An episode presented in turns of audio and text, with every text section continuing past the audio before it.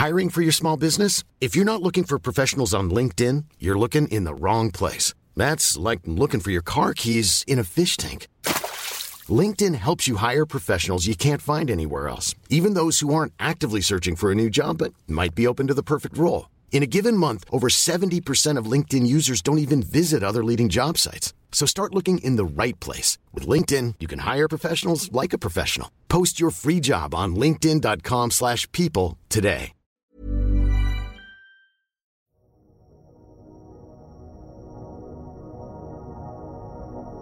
Har du återhämtat dig, Viktor, från förra veckans quiz? Ja, det har jag. Det var, det var, det var ett tufft quiz. Det gick sådär. Men jag känner ändå att jag lärde mig mycket. Främst om djur kanske. Det var väl lite orättvist kanske. För frågorna var ju helt omöjliga. Ja, några av dem. Men, eh, men det var kul. Eh, om du som eh, lyssnar inte har hört på föregående avsnitt så gör det. Och hör hur jag förnedras i ett quiz om djur i rymden.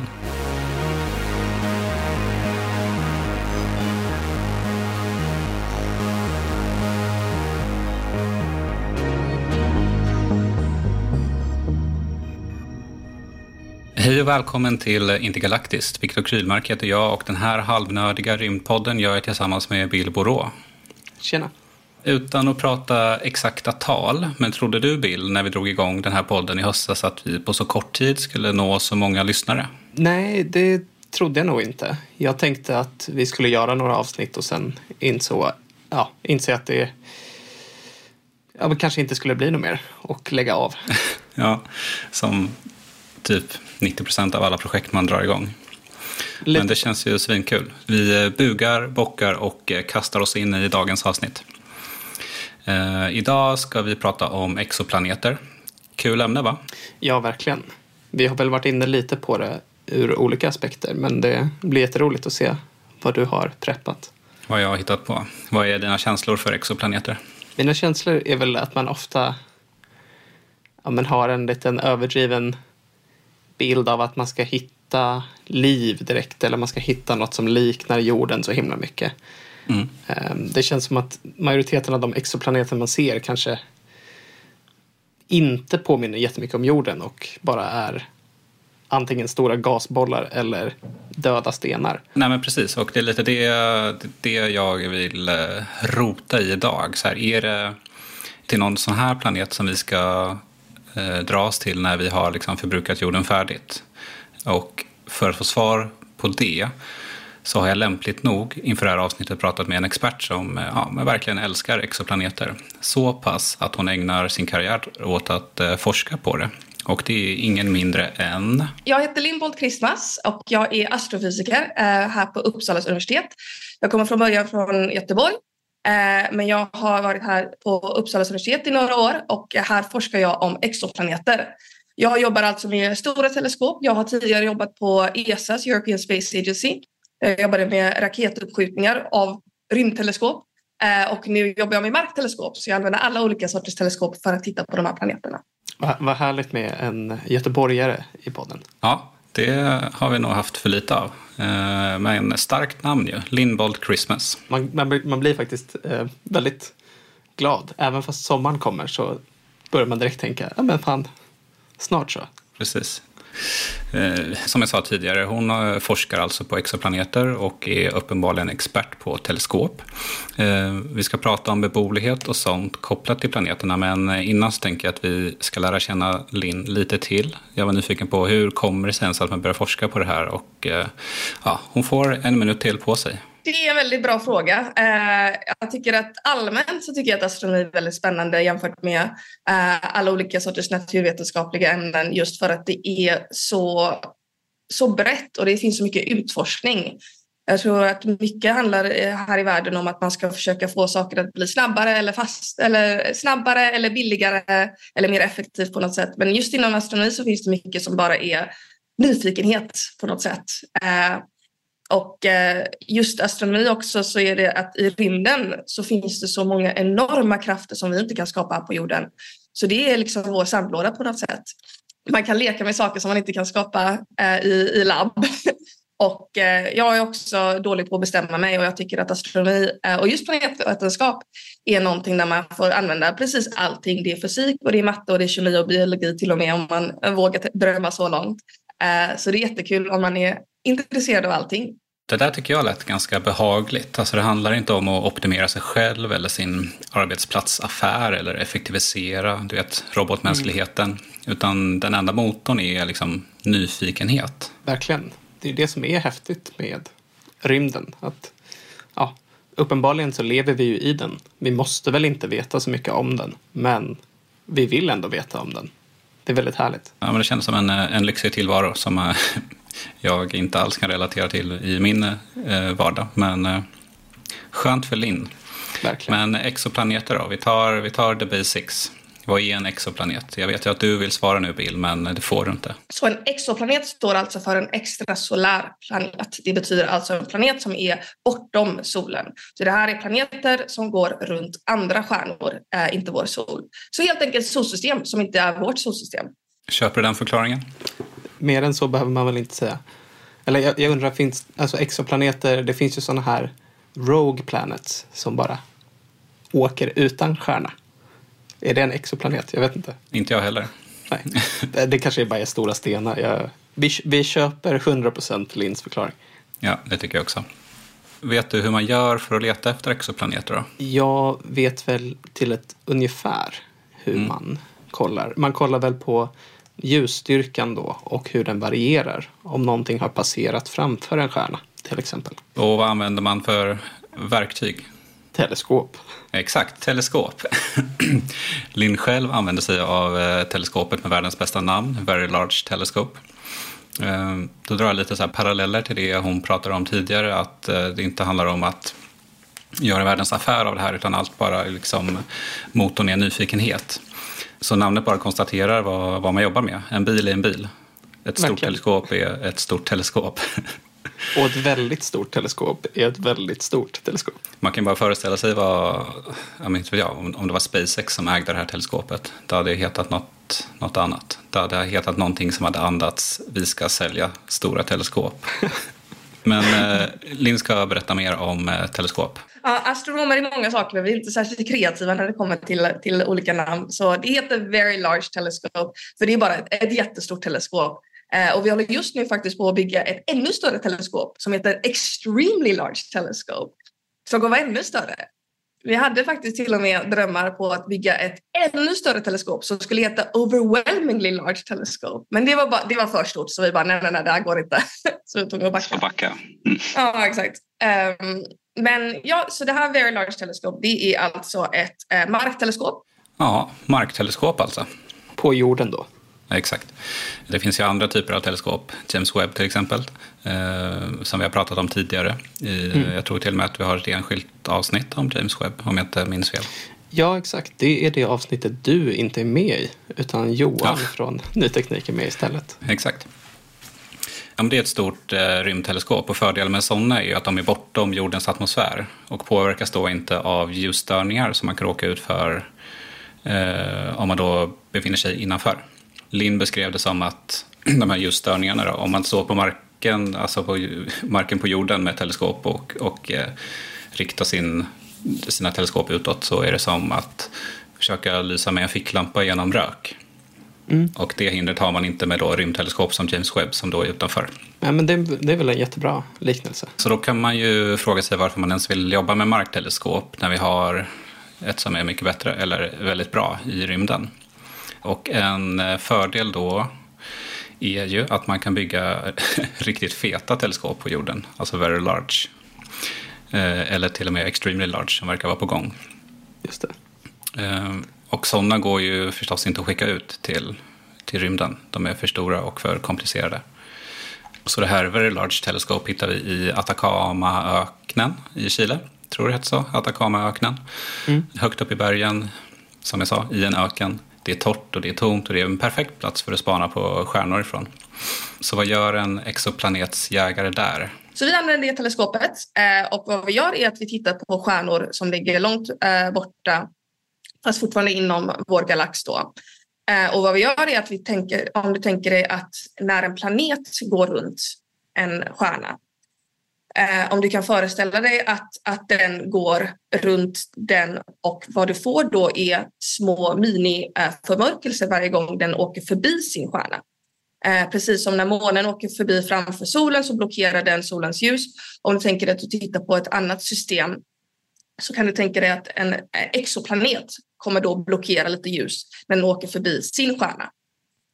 Och när det händer så kan du också tänka dig att dens atmosfär, den atmosfären på exoplaneten, den blir liksom upplyst bakifrån när den åker förbi sin stjärna. Och när, när du har de här små få timmarna när eh, en planet åker förbi sin stjärna så att den blir upplyst bakifrån eh, eh, från vårt perspektiv, då kan vi studera det här ljuset som åker igenom dens atmosfär. Eh, och då kan vi titta på det här ljuset och försöka eh, lära oss någonting om vad är det här för en slags atmosfär? För beroende på vilka slags ämnen, vilka, vilka eh, saker som finns i den atmosfären så kommer det ljuset bli liksom färgat på, på olika sätt kan man säga. Lite djupare förklarat än det du drog inledningen av avsnittet. Ja, exakt. Men det, det är väl det här som kallas transitmetoden, tror jag. Att det just exakt. passerar mellan oss och stjärnan. Precis helt rätt. Kan du gissa hur många exoplaneter som Linn och hennes forskarkollegor har hittat hittills? Jag har ju läst om det här. Jag har ju också skrivit om det här. Så jag borde, borde ha en rimlig gissning. Men jag är också rädd att jag blandar ihop det med antalet satelliter som man har skickat upp eh, runt jorden. Um, så låt oss dra till med eh, att det kanske är 5000 som är bekräftade. Och sen en stor databas med jättemånga fler som man inte har bekräftat än. Ja, du är nära. Det är hittills 5300 exoplaneter. Ja, men det, det var ju en bra gissning. Ja, ja, jag säger det. Du är nära. Yes. Du har nästan rätt. Men det tickar stadigt uppåt och i ganska rask takt. För 2014 eh, så nådde man milstolpen 1000 planeter. Okay. Och det har inte gått så många år sedan dess. Det är nästan som ett eh, industriband. Fast att de säger att de bara håller på med nyfikenhet. Men de är supereffektiva. Verkligen. Alltså det, ja, det är nästan exponentiell ökning liksom, om man skulle plotta upp då.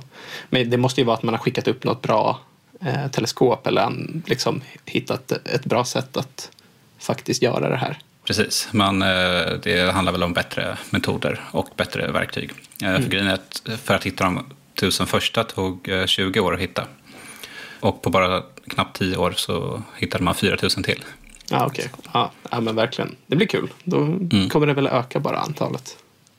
Ja, men precis. Eh, och anledningen är som du säger. Eh, dels är det ju fler som letar, men också att tekniken har blivit bättre såklart. Jag passade faktiskt på att fråga hur, eh, om man kan räkna hur många man tror att faktiskt finns. Har du en gissning där då? Här, nej, gud, alltså om varje stjärna skulle ha fyra planeter, jag vet inte. Då måste man ju först ha en gissning på hur många stjärnor det finns och sen då fyrdubbla det. 400 triljoner. ja, jag kommer faktiskt inte ens ihåg, så jag, jag är också nyfiken nu. Så det skulle betyda att det skulle finnas ungefär 400 miljarder planeter i vår galax kanske. Eh, och det är svårt att säga också om andra galaxer. Eh, för igen, då måste man fråga, är, det, är de stjärnorna lika sannolika eller mindre sannolika att, att ha planeter då. Eh, men hur många stjärnor finns i vårt universum? Det är något nummer med typ 20 plus nollor bakom sig. Eh, så det finns ganska många exoplaneter, absolut. Vi, de exoplaneterna som vi har hittat är i en väldigt, väldigt liten del av vår galax, för det är där vi har letat. Eh, och som sagt att, att det här vart vi än eh, pekar teleskopen och försöker hitta exoplaneter så hittar vi ganska direkt ganska många exoplaneter. Så det, det är ett gott tecken på att det, det finns väldigt många. Jag hade rätt på 400 i alla fall, men sen resten var fel. Exakt. Men eh, hörru du, Bill. Anledningen till att jag idag ville prata om exoplaneter var ju för att vi och andra då och då skriver om att vi upptäcker beboeliga planeter och regelbundet så är de då rekordnära jorden. Ja. Eh, och de rubrikerna antyder ju lite att ja, vi har en plan B när vi har förbrukat vår nuvarande planet. Vi har bränt alla tillgångar. Den, den klassiska ja, men, rubriksättningen. Ja, men precis. Alltså bara man skriver att det är rekordnära så är det så här, ja, det finns ett, det finns ett hopp här. Mm, mm. Men så därför tänkte jag att det, det vore ju på sin plats att reda ut det här lite. Hur beboeliga är de och hur nära är liksom rekordnära? Den, den närmaste man har hittat heter Proxima Centauri. Eller ja, det, det, det är stjärnan. Planeten heter Proxima Centauri B. Mm. Som du säkert hade velat rätta mig på. Nej, jag kan inte det där. Jag vet väl bara att generellt så brukar man döpa stjärnan och sen just gå med bokstäver på planeterna för att annars hade det blivit kaosigt. Och den ligger på ungefär eh, fyra ljusår härifrån. Och fyra, det låter ju som ett litet nummer. Du kan räkna fyra fingrar på en hand, så det är, det är inte ett stort nummer. eh, men problemet är att ljusår är inte ett litet nummer, så det är fyra ljusår eh, snackar vi alltså om nästan 40 biljoner kilometer. Så även om man skulle ta de rymdfarkoster som har lämnat solsystemet eller försökt lämna solsystemet så snabbt som möjligt. De åker liksom över 60 000 eh, kilometer i timmen. Och även med eh, sådana hastigheter skulle det ta ungefär 75 000 år att ta sig till den här närmsta exoplaneten på typ fyra ljusår. Så det är inte en helgutflykt? Eh, I sådana fall en väldigt lång helgutflykt som får bli en extrem lång helg. Vad sa hon? 75 000 år? Det är en bra helg. Fyra ljusår. Ja, det, är, det är en bit. Men det, det är fortfarande rekordnära. ja, exakt. Oavsett så, när man hör det så man känns inte särskilt hoppfull vad gäller avståndet. Då. Men om vi bara leker med, med tanken då att vi skulle kunna ta oss dit på säg åtta timmar. Hur, hur beboeliga är de här planeterna då? Eh, om man tittar på jorden så är det inte samma klimat och samma beboelighet eh, på Nordpolen eller franska rivieran eller Saharaöknen eller eh, i regnskogarna. Ehm, så det är inte så att man kan bara säga att en planet har ett bra eller dåligt klimat först och främst. För att kunna studera om, om någonting är beboeligt så måste man kunna se detaljer som, som väderfenomen och, och liksom lokala klimat och så. Och just nu är vi, eh, har vi kommit så pass långt, vilket är fantastiskt, att vi kan säga liksom den här planeten är antagligen genomsnittligt si eller så många grader och det kanske finns koldioxid i dess atmosfär eller syre eller vatten och sånt. Men, men det säger inte så mycket om liksom, okej, okay, vad händer om vi flyttar dit nu? om, vi, om vi kunde teleportera oss själva på den ytan, hur skulle det se ut och kännas då? Man vill inte flytta till en planet där det kanske finns syre. Ja, exakt. Ja, man, man vill nog veta det i förväg. Om man har 75 000 år på sig att planera, men då är man redan på väg ja, vi vet egentligen inte hur pass beboeligt det är med andra ord. Nej, men exakt. Det är väl inte så konstigt att man inte vet det då när, när vi är här och spanar ut mot de här planeterna. Det är väl jättehäftigt som hon säger att vi kan se ungefär hur varma de är och ungefär vad de har i atmosfärerna. Mm. Men det räcker ju självklart inte. Nej men precis. Och eh, i eh, en annan del av intervjun som jag inte har med så pratar de lite om att så här, vi vet, det, det, är ganska svårt att sätta väder på liksom vår planet också. Ja, det, det, är faktiskt sant. Det har man ju upplevt själv när man har planerat efter en väderkarta och sen ja. har det kommit en, ett spöregn och så är man ja, men, Precis. en, en dag bara, förstörd. Ja, badväder. Ja, nej, det var det visst inte när man väl är där. Eh, så jag vet inte vad som skulle till för att man skulle våga sätta sig på ett skepp som ska flytta till en av de här potentiellt beboeliga planeterna. Alltså vad, vad ska det till? Alltså det måste ju verkligen vara att eh, det inte finns någon annan utväg. Att liksom vår jord är slut, nu måste vi dra. Och sen så har vi något magiskt sätt att ta oss dit då. För 75 000 år är ju lite, lite väl. Alltså det måste ju vara enklare att bara åka till Mars och försöka terraformera Mars. Men låt oss säga ja. att Mars också då, alltså om det är att våran sol dör då eller något och att vi måste längre bort. Precis. Och Mars eh, verkar inte heller vara eh, så nice som planet. Nej, men det, där finns det ju... ja, men Elon Musk har väl jättemycket planer på att kunna skapa atmosfär och kunna... Vad ska man kunna göra? Man, vissa vill ju bomba polerna på Mars för att göra att det händer något. Mm. Det har inte, liksom. jag, inte jag läst om, men vad spännande. Det kanske är en gammal grej i och för sig, men inte, kanske inte aktuellt längre. Men jag, jag, vet att det har varit snack om att någon vill skicka atombomber till Mars. Mm. Funkar atombomber på Mars? Ja. Anledningen till att jag frågar är för att jag skrev en artikel för något år sedan om vad som skulle hända om man skickar världens största atombomb till månen. Mm. Men det skulle liksom inte hända någonting för att det finns ingen, inget motstånd för liksom sprängkraften. Så att det bara liksom pyser ut. Jag har absolut ingen bra koll på hur atombomber fungerar. Men om det har något med atmosfär att göra. Det finns ju lite atmosfär på Mars. Ah, Ute på, ute på djupt vatten nu. nu är vi ute på djupt vatten, men det brukar vi ju vara. Så. Ja, i och för sig.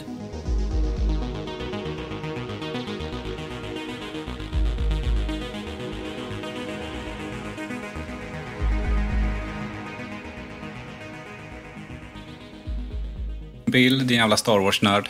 Eh, Jag tänkte att vi ska runda av med en fråga som du skickade med mig till eh, Linn. Yes.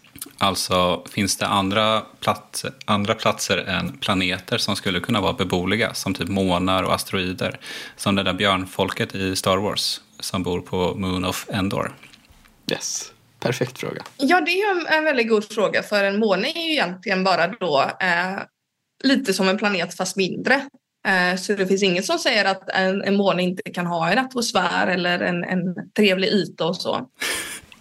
Det är så, det är så härligt att, att tänka sig de här himlakropparna och så har man en trevlig yta. Och det är där man bor. Jorden, lite vatten och en trevlig yta. Ja, men den är ganska trevlig. På sina håll i alla fall. Ja, verkligen. Och som hon sa tidigare, att det är klart det är skillnad på Nordpolen och franska rivieran, men många trevliga ytor. Då kan man ju tänka sig, okej, men finns det något rimligt exempel? Det finns, det finns ett månsystem i vårt solsystem som är är väldigt intressant och det är Jupiters månar. Eh, och det var faktiskt så att häromveckan eh, så sköts upp en eh, rymdfarkost som heter JUICE som ska göra eh, ett besök till de här månarna runt Jupiter. Så Jupiter är ju då eh, väldigt, väldigt mycket större än jorden. Så även de små, inom citat, månarna runt eh, Jupiter är ganska stora. Eh, de är ungefär mittemellan, de är, i storleksmässigt så är de mellan jorden och vår måne. Eh, och de är väldigt, väldigt intressanta för vi har eh, länge misstänkt att det kanske finns så att eh, de här stor, större månarna runt Jupiter, att de kanske har eh, vatten på deras yta som vi då vill utforska. Eh, och de är liksom tillräckligt stora att det inte skulle vara helt eh, otroligt att, att jag tror inte det finns några Bumbibjörnar som bor där idag. Liksom. Eh, men det skulle ändå vara väldigt intressant att utforska vad som finns i deras hav, om det, om det ens finns någonting där. Det är ju kul att de kallade för Ewoks för Bumbibjörnar, så det är minst en lyssnare som rasar i detta nu. Det är också härligt att de tar upp just ja, men Jupiters månar. Vi har ju pratat om JUICE förut. Ja. Och jag var ju faktiskt nere på ESOC i Tyskland och var med eh, ett svenskt forskarlag när de fällde ut det sista instrumentet på rymdsonden JUICE. Men mer om det i nästa avsnitt. Bra teaser. Men eh, om det är liksom exemplen, eh, Jupiters månar, och om jag minns, inte minns helt fel så var inte de super nice. Nej, men så det just de som ska undersökas i det här läget det är ju Europa, eh, Ganymedes och Callisto. Och de kallas men, isiga månar. Så det är ju, man tror att de är helt täckta av is och sen att det då finns salta oceaner under som rör sig. Så det är inte riktigt att man åker dit och bor där. Nej. Men det skulle kunna ändå finnas rätt förhållanden för att något skulle kunna skapas eller klara sig i de här haven. För generellt så ser vi väl så att finns det vatten så kan det finnas liv. Ja, Ewoks har ju päls, så att de kanske klarar det. Exakt. Det hade varit, det hade varit sensationellt roligt. Om de åker förbi med kameran och sen där, där nere är de. Ja, herregud. Men hur ska man eh, knyta ihop den här säcken då? Eh, drömmen om att flytta till en närliggande beboelig planet, ja det är väl bara en sci-fi dröm. Så vi får väl alla göra vad vi kan för att minska risken för att bränna ut vår nuvarande planet. Hur, hur låter det? Som du säger, det, vi ska nog inte räkna med att jorden nummer två är något vi kommer nå inom en nära framtid. Nej, det verkar osannolikt. avslutningsvis då. Ni är många som har hört av er till oss på mejlen och det uppskattar vi. Så tveka inte på att göra det. I sämsta fall blir det lite gott rymdsnack och i bästa fall kan vi svara på en fråga. Tack för idag. Adjöken. Hej.